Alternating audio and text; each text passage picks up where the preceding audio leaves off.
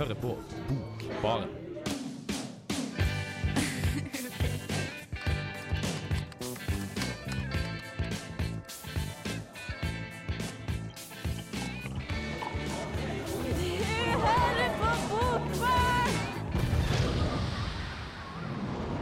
Hallo og velkommen til Bokbarn. Dette er den første tirsdagen etter sommeren vi er helt sånn fulltallig, sånn som vi skal være. Og da er det bare på sin plass at vi snakker om de bøkene som vi skal lese i høst, og hvilke bøker vi syns du skal lese sammen med oss i høst. Vi har fått et nytt medlem i Bokbarn, og han skal være den første som blir interessert. Han heter Hans. Hallo, Hans. Hallo, hallo. Hvor kommer du fra?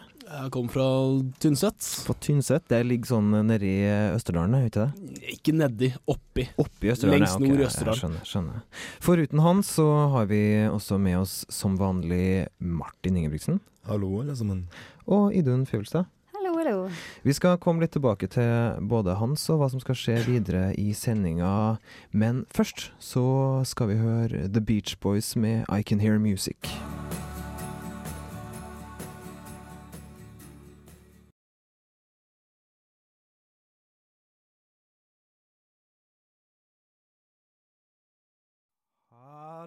Du hører på uh, Eh, vi har uh, bokhøstsending i dag. Vi sender fra nye studioer på Lukasbygget i Trondheim, og jeg er veldig fornøyd med det. Så nå håper vi at lyden og ting går litt smoothere enn jeg har gjort før. Eh, sånn.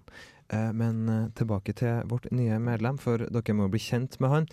Han heter Hans, som sagt. Og Hans, hvor gammel er du? Hvem er du, og hvorfor du, er du i Trondheim? Ja, jeg er eh, 19 år, og hvem jeg er, er vel egentlig gjenstår egentlig å se. Mm. Det finner man ut etter hvert. Uh, jeg er i Trondheim fordi jeg skal studere. Studerer historie. Er i, driver med andre året nå. Med en vekt på middelalderen. Oi. Ja, for, for, altså, for lytt, lytterne våre så her så må jeg jo beskrive deg som en langhåra, uh, uh, eh, slank, eh, ung mann med en, eh, det man ville ha kalt et bukkeskjegg. Ja, det stemmer egentlig ganske godt. Det, utover beskrivelsen så regner jeg med at de fleste skjønner at jeg, det er en viss sjanse for at jeg kan høre på litt grann metal.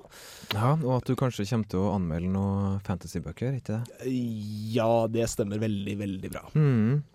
Martin, du som står attmed Hans, hvordan, hvordan lukter han? Han eh, lukter bedre enn forventa, det er det jeg vil si til det. Eh, noe som jo er ganske greit, for vi trenger jo noen til å kontre Idun. Det er sant. Jeg tror vi slipper den der, og så tror jeg vi starter på det som det skal handle om eh, i dag, altså eh, bokhøsten. Uh, det er jo mange forlag i Norge, mange forlag til at vi er så få mennesker. Og alle de her forlagene er veldig gira på å gi ut bøker. Og vanligvis så pleier jo forlagene å spare de gode bøkene til høsten. Uh, det her er tilfellet for noen av, av eh, forlagene, ser vi, men noen andre igjen har ikke vært like heldig. Et av de forlagene vi ikke fant så veldig mye spennende på nå, eller som i hvert fall ikke har sørga for å slippe noe spennende på høstlistene sine, det er jo, det jo Aschehoug, Martin.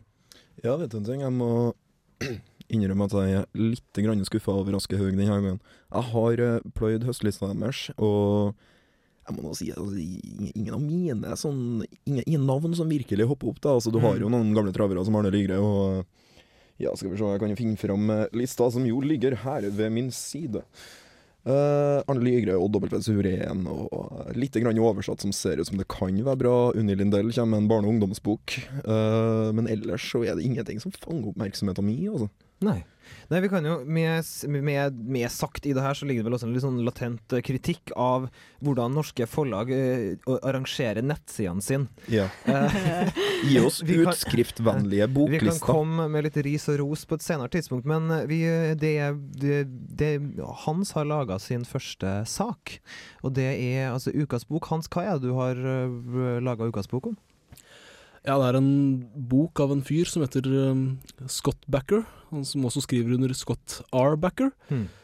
En bok som heter Neuropath. En thriller. Sci-fi-thriller? Ja Ja vel, sci-fi er å ta hardt i, men uh, Skumle saker, i hvert fall. skumle saker. Det, Jeg tror vi skal høre på den. jeg. Radio Revolt. Glassbok. Kan vi si at følelser er ekte, finnes fri vilje. Dette er hva Scott Backer forsøker å si noe om i boka Neuropath. Hele handlingen i boka hviler på det såkalte argument med stor A, som er en diskusjon mellom to venner fra studietiden deres, som reduserte mennesker til maskiner uten noen egen identitet. Alt hviler på at følelser og tanker bare er elektromagnetiske strømninger i hjernen, at ikke noe er faktisk reelt. Alt er et resultat av hva som har skjedd før, nærmest som en serie med dominobrikker. Mennesker kan sammenlignes med maskiner eller deterministiske vesener, og ikke de frie, levende vesenene vi liker å tro vi er.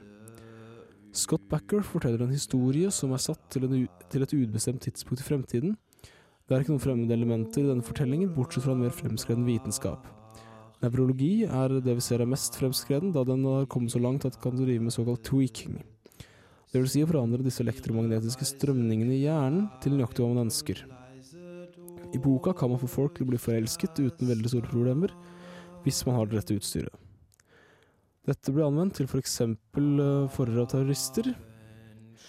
Man kan også frigjøre seg fra alle følelsene og bli såkalt ren. Man vasker også vekk identitet, sin rasjonelle tankegang, alt som vil gjøre at man velger det man gjør, iallfall i teorien. Men ifølge de som driver dette, er ikke identitet noe reelt allikevel. Hele boka er hjemmetyret av en sterk vitenskapelig tanke. Neuropath er en thriller slash spenningsroman som tar opp filosofiske temaer angående fri vilje og hva vi er. Som thriller betraktet er Neuropath noe forskjellig fra den såkalte typiske thrilleren. For eksempel så er det en fortelling som på mange måter handler om alle problemene til hovedpersonen, og hvordan han takler dem, som ikke er veldig godt, iallfall ikke i hans egne øyne. Så, man, så man kan si at heltens mangel på styrke i noen tilfeller driver um, iallfall deler av fortellingen fremover. Hele boka fungerer som thriller. Den er spennende, og det klassiske elementet med en skurk som er langt kraftigere enn hovedpersonen, er til stede.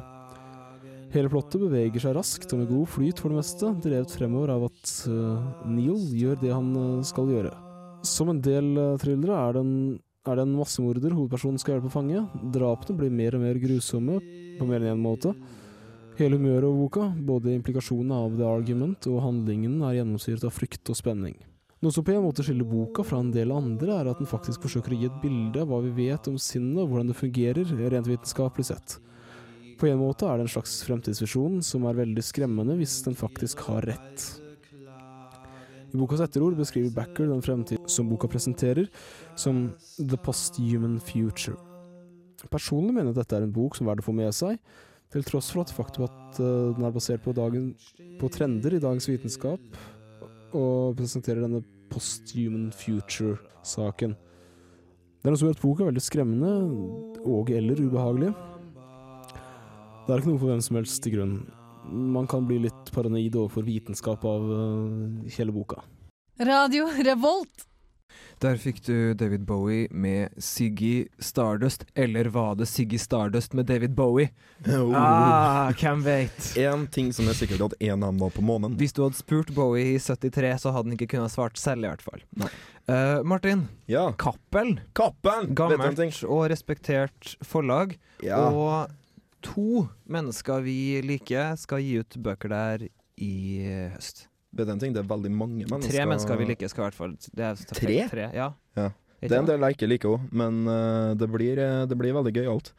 Uh, nå sånn uh, helt i innspurten så har vi allerede fått med oss eh, Roy Jacobsen og Ingvar Bambjørnsen mm. og han Erlend Lo og Karin Fossum og alt det der. Men rett rundt svingen så ligger jo en av mine gamle travere, nemlig en viss herr Stig Sæterbakken. Mm, mm. Jeg står her og ser på et bilde av mannen som kikker på meg med intense og lett skeptiske øyne, ved siden av eh, tittelen på boka si, nemlig Små rotte. 'Ikke forlat Små rotte... Aktige, ja. Små rotter. Med tittelen på boka 'Ikke forlat meg', som Mhm. altså er en uh, kjærlighetsroman. Og som bortsett fra han, så er også Frode Sander Øyen. Frode Sander Øyen slapp bok i sommer, og uh, den var knakbra. Mm. Ja.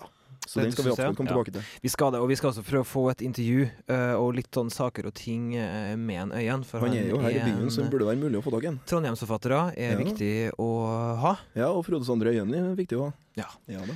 Så eh, vi ser jo for så vidt frem til det, for vi hadde jo besøk av en på tape eh, på Tapefestivalen. Det stemmer, han var her i vår og æra tapeoppsetninga vår med sitt nærvær. Mm. Eh, Det ble litt seigt før han kom på scenen, så jeg og han vi satt jo sånn sovna litt mens vi snakka sammen. Men han var informativ og gledesskapende, vil jeg si. Så en anmeldelse av den boka vil også komme. Ja. Uh, den siste jeg husker på sånn her nå, det er jo Nick Cave. Nick Cave. Det har jo kommet en oversettelse av hans uh, The Death of Bunny Monroe veldig, veldig fort. Ja, det er jo ikke noe rart. da. Han er jo en, eh, en forfatter som eh, det virkelig lukter svidd av på veldig mange Det, måter. altså det er jo en stund siden han har gitt ut bok. Vi har snakka om dette her i, ja. i, i Ikke i forrige program, men det før det. Og, Det vi, og vi liker jo Nick Cave veldig godt, både som musiker og som forfatter. Uh, så når han først oversettes til norsk, og det er en ny bok, her, her, så må jo Mm. det på en måte sjekkes ut. Uh, og du har lest uh, utdrag fra den, har du ikke det, Martin? Ja, de, eh, Dagbladet var jo, så, var jo så glad i oss uh, Nick Cave-fans at de ga Mm. hele første kapittel ut i et magasin her i sommer. Ja. Så jeg kikka på det, og jeg må jo innrømme Altså, Nick Cave eh, må jo leses med en klype salt, i hvert fall føler jeg det. Mm. For han er jo strengt talt musiker. Han er en vanvittig god låtskriver, men uh, hvordan han gjør seg som prosaist, det gleder jeg meg egentlig til å finne ut. For også, vi må jo huske på at det begynner å bli en stund siden Eselet så Herrens engel kom ut. Jeg kan vel også røpe at vi skal, skal om ikke så altfor lenge, ha en egen Nick Cave-sending. Ja. Vi er litt usikre på datoen, men vi får se etter hvert. Ei anna dame eh, som, eh, som ga ut bok i vår eh, på Cappelen Dam, er Kristin Berge. Hun er en uh, poet uh, som er født i uh, 75. Hun bor i Drøbak. Har gått på litterær gestaltning. Eh, og skriver veldig mye om uh, iscenesettelse, om, um, om performativitet, om språk og kropp og sånne ting. Jeg lurer på om det er derfor at det alltid blir tatt veldig imponerende bilder av henne. Ja, hun har noen utrolig forfatterbilder. Ja, det, det er intenst, og det er action, og det er lær, ut, og det er, det er glitz og glamour. Jeg blir så interessert i hvem er det de har. Som en skuespiller, rett og slett. Synes jeg. Fra, fra Hollywood. Ikke sant? Ja. Men dere skal få vite litt mer om henne, for jeg har laga en sak om de to bøkene hennes. I 2007 debuterte Kristin Berge med samlinga 'Losing Louise', som beskrev kjærligheten mellom C og Louise og reisa de to foretok gjennom ørken. Og på samme måte som det øde landskapet var boka gulbrun og ru rent fysisk. Tekstene i boka varierte mellom tekstblokka og lange linjer trukket over sidene til tekster plassert som byer på et kart, eller som komponenter i et elektrisk koblingsskjema. Som du kanskje forstår, er det her ganske materialistisk utført. Og det at all skrifta er skrevet på skrivemaskin, støtter opp under det analoge preget i hele boka. Dialogen mellom Louise og C fungerer som en korrespondanse, men man forstår at det refereres til noe som har vært. Og vi vet at dette er et tilbakeblikk, og det er vanskelig å tro på alt i denne boka. Jeg får stadig følelsen av at virkelighet og fantasi, drøm og våken tilstand flyter over i hverandre, men likevel er stemmene på hver sin side klar og kraftig. Det her er en feberfortelling. Om natten byttet vi klær. Drømte samme drøm. Gled inn og ut av selve handlingen. Vi vred oss ned i sanden. Markerte landskapet med hendene. Jeg navngir med dine ord katedral, blonder, vindu. Prøver å oppstå som helhet. I drømmen din. Klærne dine. Det er ikke tvil om at det er noe retro over denne boka. Både i forhold til blanding av engelsk og norsk språk, og det konkret poetiske uttrykket. Man kommer ikke bort ifra at dette er en spennende og formsikker debut. Der ganse veg er Kristin Berges andre diktsamling, som kom våren 2009. Og som tittelen hinter til, handler det her også om en reise. Jeg vet ikke om jeg er enig i alle de veivalgene Berge foretar seg, men hun følger opp kjærlighetstematikken fra den første boka på en sånn måte at man ikke går seg vill i sivilisasjonskritikken hennes, selv om den her til tida er mer trassig enn velbegrunna. Hun har lagt fra seg det konseptuelle fra Losing Louise, men holder fremdeles på en skjematisk oppdeling, i det minste på overflata. Boka er delt opp i notater fra 30 dager av ulik lengde, og beskriver en kvinne som reiser gjennom Europas store byer og har sex, drikk og muligens går til grunne sammen med andre kvinner. Selvfølgelig fortalt fragmentarisk og europeisk. Kroppen i denne boka, kjønnsrollene og byen går over i hverandre. Blir invadert og snudd på hodet. Bibelske motiver blander seg med Benjamin, Freud og Nabokov.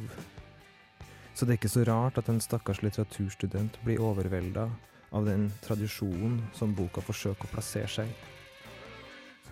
Den stadige reisen mellom kjønn og kropper og i Europa får meg til å tenke på en fascistisk estetikk.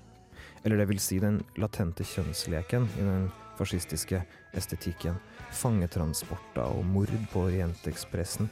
Det virker som om byene og kroppene er åpne for forslag. De kan reises inn i og forandre seg mens du er der. Alt er flytende og mørkt og skremmende.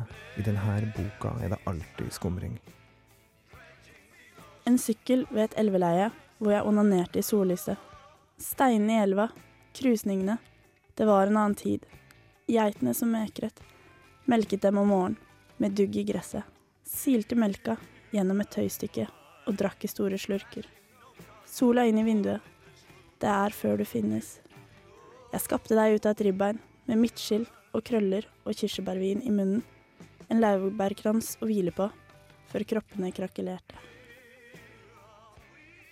Berget har et lett og utvunget språk som flyter godt i de aller fleste tilfeller. Det er derfor det er skuffende når hun plumper uti med unødvendigheter som 'Kjære jomfru Maria, vi kunne ha hatt fin sex'.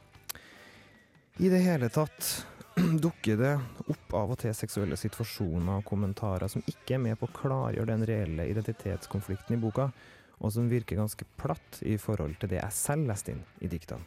Berget sikter høyt i begge bøkene. Det prosjektet det virker som hun har begitt seg ut på, er ikke for dem sarte. Det krever selvtillit og modig frekkhet. Hun gjør det ikke enkelt for seg selv, men det er akkurat derfor de her diktene er så spennende å lese. For meg gjør det ikke noe at hun en gang iblant synes å ta litt munnen full, fordi jeg tror at motivet er et sterkt ønske om å fortelle en historie, eller klargjøre en situasjon som man aldri får helt tak på, men som har vekka veldig interesse, i hvert fall hos meg. Det blir spennende å se hvordan det her går i neste bok. Følges reisetemaet opp der, kan vi muligens ha en triologi å hanskes med.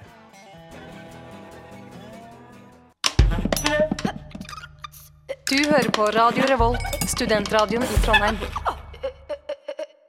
Hallo, du hører på Bokbarn, og der fikk du Henk den tredje med en av sine keitete og rare titler, som jeg ikke husker. Uh, og, og før det, en sak om, eh, om Kristin Berget, altså poeten fra Cappelen. En av dem, i hvert fall. Hans! Yep. Hei, vi skal ikke slippe deg helt ennå. Dette er jo den første sendinga di. Og jeg er litt spent på å høre hva du har tenkt å drive på med utover høsten. Tja, det er jo Lese litt fantasy, da, selvfølgelig. Er det noen spesielle bøker du i hvert fall satt deg som et overordna mål å få, Oh, få yes. anmeldt og snakka om? Oh, hva, yes. hva da? Det er uh, Favorittforfatteren min har gitt ut en ny bok for uh, to uker siden. Mm. Steven Eriksen, som har gitt ut en bok som heter The Dust of Dreams. Amerikaner? Han er en amerikaner, ja, eller Han er canadier, tror jeg, men han bor vel i USA. De Bod, gjør jo det, gjerne. Bodd litt i England også, for det er mye enklere å gi ut bøker i England. Mm. Og hva er det han skriver om? Det er mye, det er komplisert, og det er uh, ganske innfløkt, Hvis du skulle forklare det til en femåring, hva ville du ha sagt? Sci-fi? Mm, Det er en, Eller det, er en, det er en fantasybok som uh, handler om en krig som egentlig går enda mer til helvete enn planlagt, Ja. når gudene begynner å blande seg inn. Så det er litt thriller og litt Litt inspirert av noe horrorgreier, noe fantasy, Ja. mye Litt vri om litt på folklore og Mye, egentlig. Jeg tror det blir veldig spennende å se i løpet av høsten hvordan du har tenkt å artikulere deg. Eh, I hvert fall sånn sjangermessig i forhold Ja. til den bøkene du skal eh, anmelde. Det blir veldig spennende, Ja, tenker er- jeg. Men jeg tror det blir veldig fint å høre om dette her. Vi har jo savna litt sånn i Bokbaren også. Det er ingen av oss som har en veldig overdrevet eh, fantasy- eller sci-fi-interesse. Det har jeg fått meg. Sånn at, sånn at det er jo et godt tilskudd på den måten. En annen bok som har Man kan vel ikke kalle det fantasy, men det har i hvert fall noen trekk fra den sjangeren. Er en bok som du har eh, lest i den. Ja, jeg har lest Kristine Tofte fra Tiden forlag, eh, 'Sang for Eirabu'. Og hun er vel debutant, Mhm. egentlig psykolog eller noe. Ja. Og ja. eh, Jeg er jo ikke noen sånn særlig utprega fantasy-leser. Hendene Jeg mine meninger og hvorfor jeg ville lese den. Det skal dere få høre etter hvert. Ja, du vil ikke at jeg skal få si min mening om den boka. Jeg tror kanskje du blir nødt til det etter hvert. jeg. Jeg tror det, Yes. det her er, eh, hø- høres ut som grobunnen for eh, uendelige samtaler. Men du har anmeldt eh, en bok i den som, som heter Fregd. Hva betyr det? Fregd, det, det betyr ære på norrønt. Jeg har hatt norrønt i et halvt år nå. Jeg skjønner. Hvilken sammenheng er det her, da? Det er um, en oppvekstroman, eller altså en generasjonsroman. Og så Mm. treffer jeg tre generasjoner med epleboner. Ja, Så det her foregår på Vestlandet? Ja, det gjør det. Men eh, det er ganske merkelig sjanger, da. Altså, hvordan Hvilken sjanger er det egentlig? Ja, men er, er, det, altså, er det en, en mørk bok, eller er det på en måte altså, Ja, det er en mørk eh, bok, men det er utrolig humoristisk. Altså, det, det Mm. er så humoristisk at du ikke forstår hva det bærer til de der. Jeg skjønner. eh, Jeg har skjønt det er mye språklige krumspring, Ja. eh, og sånn at det er mye det som driver det fremover også. Mm. Og eh, der humoren ligger på hvilken måte er det på en måte annerledes enn Er det dialekts, eh, dialektsord som brukes i mye, eller hva er det? sånn? Ja, det er meget konservativ eh, nynorsk, og med da vekt på vestlandsdialekt. Mm. Så jeg tenkte jo selvsagt det var helt fantastisk å lese den her eh, rent språkmessig. og innimellom eh, prosaen så er den delt opp i kvad. Ja. Og det her går da både Ja, det er litt Jokke og Valentinerne-kvad, og det er omskrevet gamle norrøne kvad, og det er opprinnelige norrøne kvad oversatt til norsk. Vi skal få høre litt mer om hva du syns om den.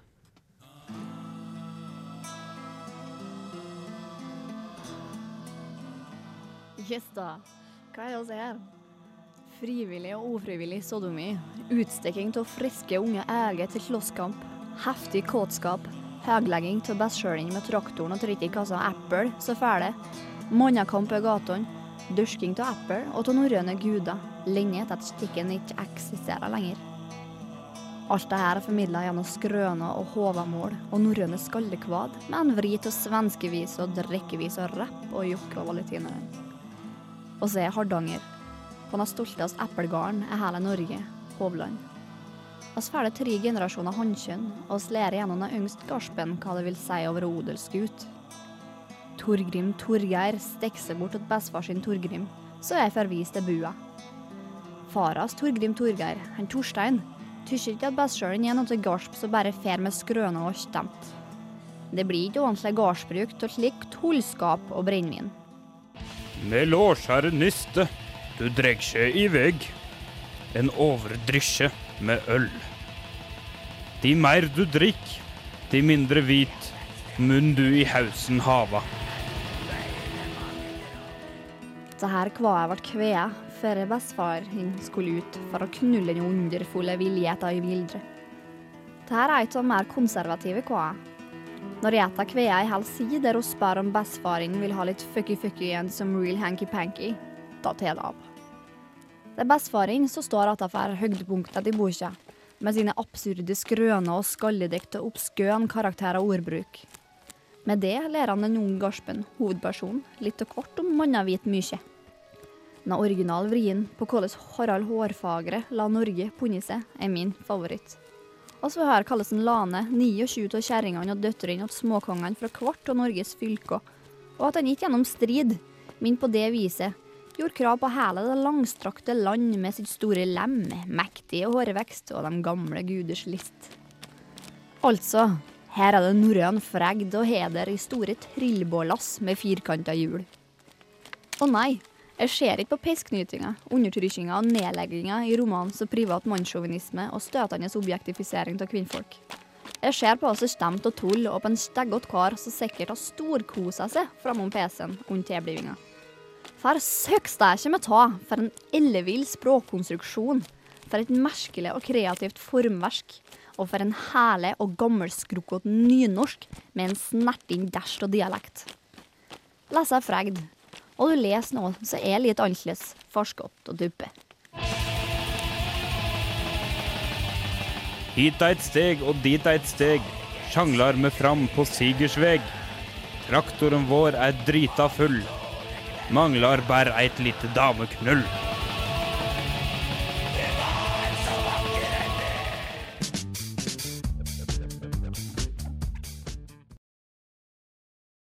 Der fikk du datarock med fa, fa, fa.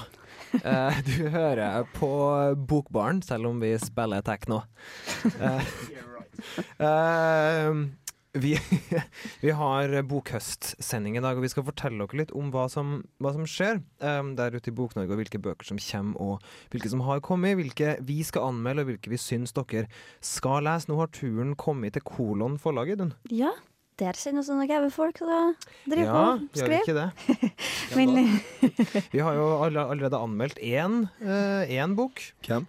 Hvilken? da? Deg? Meg. Har du skrevet bok? Ja, på kolon. Det tror ikke jeg noe på. Nei, det er, men det er så bra Det, det er så bra forlaget vet at du kan ikke bare liksom Kan ikke stanse det ved meg. Vi må informere om hvilken gullrekke ja, det er der i høst. Bedre enn NRK. Jeg skal lese Pedro Gormona Alvarez Mhm. med ei drittjukk bok som heter Rust. Mm -hmm. Den handler om eh, bandet The White House, om kameratene Daniel og Thomas og deres forhold til Pasolina. Mhm. I, i den chilenskfødte Miguel forhold til Angel plastelina. Plastelina. Du må ikke tulle med det.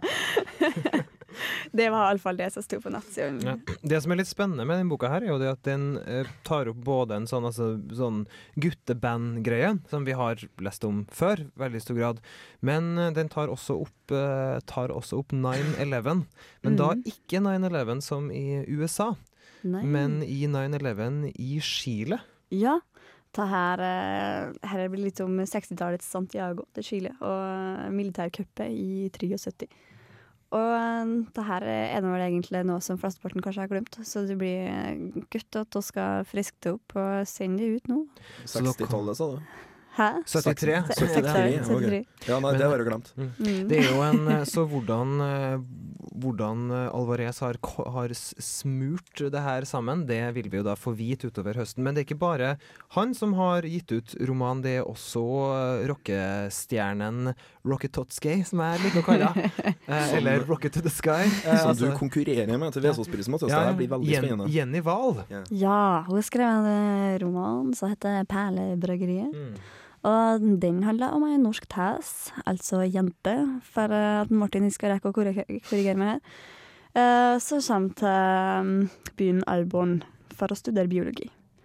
Og her står det at hun flytta inn til en merkelig Karall, som bor alene i en nedlagt bryggeri og leser kjærlighetsromaner. Mm. Det her eh, De skal da få et litt merkelig forhold etter hvert, har jeg forstått. Det har jo knytta seg en del spenning opp til Jenny Wahl. For Mhm. hun er en veldig litterær uh, musiker, og, og er en vokalist som er kjent for måte tekstene sine, og plater som er veldig litteratur, som har veldig mye referanser til litteratur. Siste plata hennes heter jo Medea, for eksempel, som da er altså fra altså kona, den eh, nest siste kona til Jason, for dem som liker gresk mytologi. Og det gjør man jo, men eh, det som er også er litt interessant for dem som har lyst til å ha en lurkikk på Jenny Wahl sin prosa, som kan dem kikke i nye vinduet. For der hadde han nemlig en veldig veldig fin artikkel om Twilight, Mm. av alle ting. Ja vel. Hun er jo en fornuftig ung dame. Det må man jo på en måte si. Hun har i hvert fall nå kommet. Men det er ikke bare prosa, det er også lyrikk. Det er det. Uh, ei som kjører gutt navn her, tenkte jeg. Hege Siri. Hege Sirja, sjøsame, Uh, skriver om joiking osv. Jeg skal anmelde boka hennes. Den er god, altså. Det kan jeg, det kan jeg, kan jeg avsløre. Uh, men det er ikke bare hun, det er også to andre som, eh, som, eh, som, eh, som, som gir ut diktsamlinger. Og en som har vært litt spenning rundt, er Steinar Ropstad. Det er vel litt flere enn to? Ja, det? er Steinar Ropstad, og så er det Knut Isaksen. Knut Isaksen. Knut Isaksen er debutant og er kjempedyktig på SED. Men uh, hvor lenge er det nå siden Oppstad sin forrige samleøksning for kvelden? fem år. Det er fem noe. Ja, år, vet du. Og det er jo en av Norges absolutt kuleste diktere som nå kommer tilbake Ja. i rampelyset. Og Nils Christian Mo Repstad har også sluppet bok, og den skal vi også få en anmeldelse av. ikke å snakke om Nils Christian Den fikk en sekser i Federlandsvennen, av alle ting. Men Idun, Samlaget, da? Ja. Eh, først så tykte jeg at eh, Samlag eh, De har litt tuppende hjemmeside og alt, så jeg ble litt sånn distrahert. Jeg satt innpå og prøvde å skulle få med alt, da. Så- Vinner de prisen for dårligste hjemmeside? Ja, De vet du. de er sponsa av Kondomeriet, og det gjør jo hele greia. Nei, de er ikke det. De er bare. Det var iallfall litt rotete, men kan hende bare jeg som tre. Ja. jeg er vant til at det er litt mer ryddig. Vi, vi skal i hvert fall uh, love at øh, det er to, eller tre trønderforfattere på Samlaget. Ja, I år. hjemme hos hjem, vet du. Og øh, Bot, Botheim-søstrene. Er ikke det? Martin, Martin, hva Nei, det er jo da Botheim eh, S- er Sørumsgård. Sørumsgård? Det er et, Botheim. det er et, jeg syns det er et så urnorsk etternavn de her to søstrene har. Og, eh, og det gjør jo at jeg glemmer det. Mm. Ja. Sørumsgård, Botheim er det. Sørumsgård Botheim. Mm, mm. Flotte greier. Ja. Så dem skal vi også få anmeldt og snakka med. Hva har du lurt på, Hans? Jeg tenkte bare skulle nevne et alternativ til eh, dårligste internettside Ja, til disse ja. forlagene. Det er en jeg tror det er en engelsk utgiver som heter Orion eh, Publishing. Ja vel. Orion.com. .co.uk? Ja, no, noe sant noe. Det er, eh, det har, noe mer der også, men uh, uansett, det er ikke verdt å gå dit engang, for de Nei. vil ikke vise frem bøkene sine. Nei. Så altså en, eh, en nettside du ikke skal oppsøke. Her skal du få Neil Young med 'Heart of Gold'.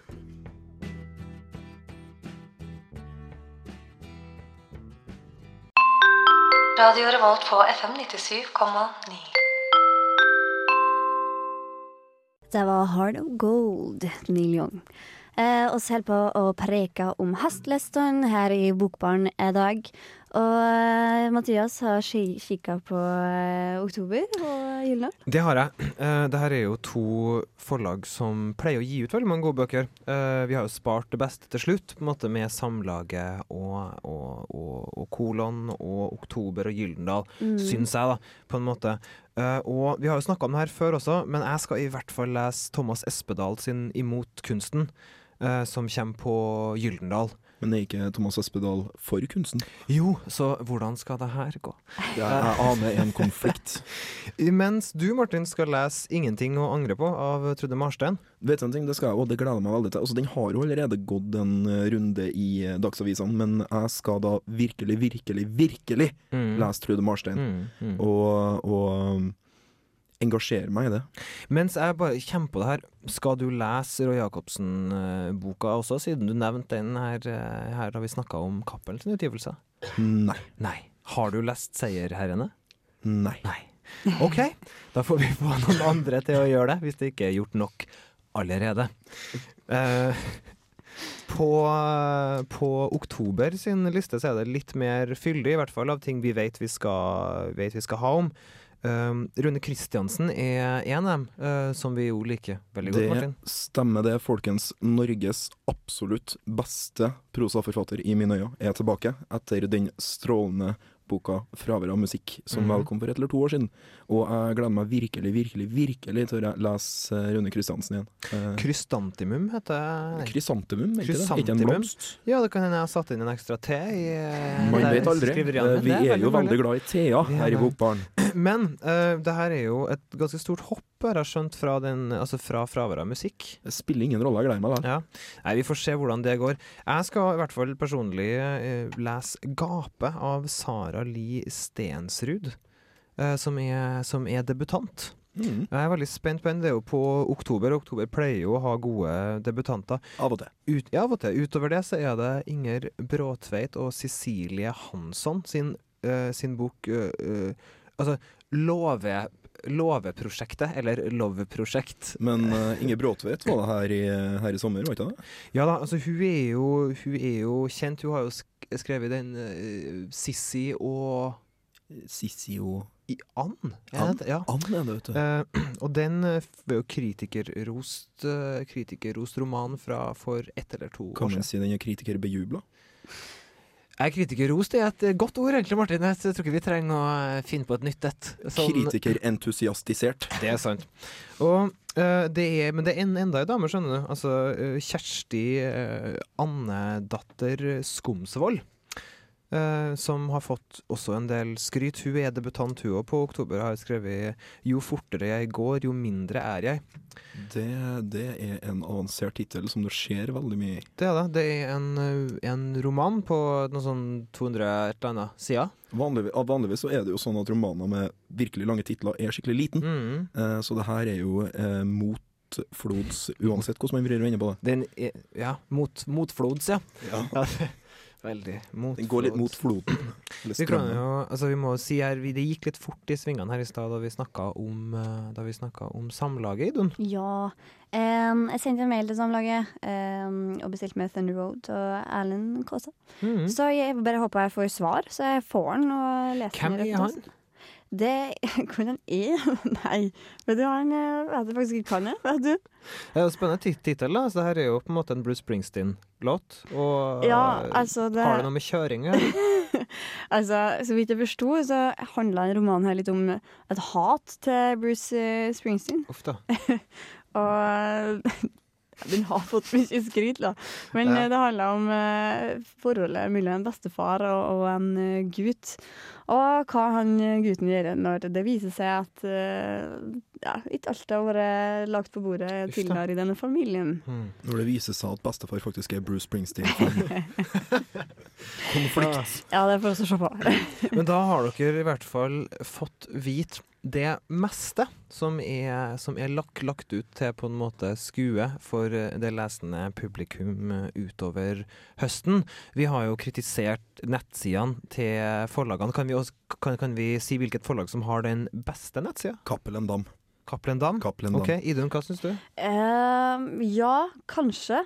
Uh, jeg liker tiden, sier Tiden, ja. Ja. De Har, har vi noe på tiden? På, Har vi noe Ja. vi skal Jeg har faktisk eh, begynt å lese Nå har jeg aldri hatt fransk, men eh, Madame de Pompadour. Mm. Alvor Sunt og Lindqvist. Så Mhm. den, eh, det er en dokumentarbok. Jeg det er faktisk bilder i den med fine kjoler. Ja. Bilder bilde av fine kjoler. Lik, liker du fine kjoler? Ja. Ja, Liker du bilder? så den kommer snart.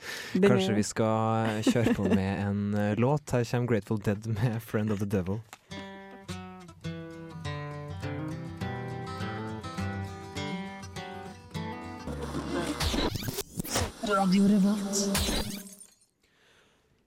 Ja, du hører fremdeles på Bokbarn, og vi begynner å nærme oss slutten. Det gjør vi. Vi eh, har jo gitt dere en gjennomgang av de tingene som vi syns dere skal lese, de tingene som vi kommer til å anmelde i løpet av høsten. Vi har jo oppfordra før, vi kan gjøre det igjen, til å lese de samme bøkene som vi gjør. I hvert fall noen av de bøkene vi mener dere bør lese. Mm. Er vi, altså, sånn generelt så bruker vi jo ikke tida vår på å anmelde ting vi ikke liker, for det er jo både usympatisk og tidskrevende. Og dessuten så blir man så slem av det. Ja. Ja, litt sadistisk moro må man ha av og til, da. Jo da, vi skal ha det også utover høsten, tenker jeg. Men hovedsakelig så vil vi jo ha da bøker som dere eh, kan ha interesse av eh, å lese. Så gjør som oss, sjekk høstlistene til forlagene, eh, selv om nettsidene kan virke litt sånn utilgjengelig og problematisk, så er det der, altså. Ja, og de er veldig snille. Ja, de er veldig snille. Gjemt innimellom, eh, innimellom eh, masse rare artikler, så er det en PDF som du kan laste ned, hvor du får eh, alt sammen. Ja, du kan i hvert fall tro at du får alt sammen, og håpe at det er riktig. Vi har, jeg syns vi på saks skyld er nødt til å nevne, nevne bare en til Rune Hjemås, eh, som eh, også var på Tapefestivalen. Ja, Rune F. Hjemås. Rune F. Hjemås, som har gitt ut en ny bok som heter 'Indianere'.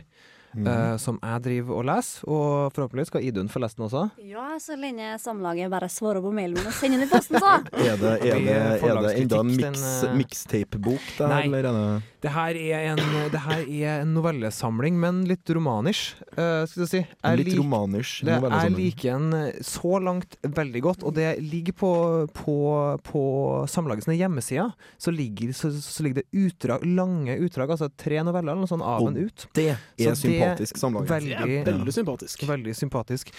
OK, jeg tror vi stanser den der, og takker for i dag. Du har hørt på Bokbaren. De som har vært med og laga, er Hans Kvernsjøli. Det er Martin Ingebrigtsen. Det er Idun Fivelstad. Jeg heter Mathias Samuelsen. Og Trond Storønning har vært tekniker. Vi kommer til å være her på samme tidspunkt neste uke. Nå skal du få høre Dr. Hook and the Medicine Show med She Was Only 16. Bokbarn. Bokbarn. Bokbarn.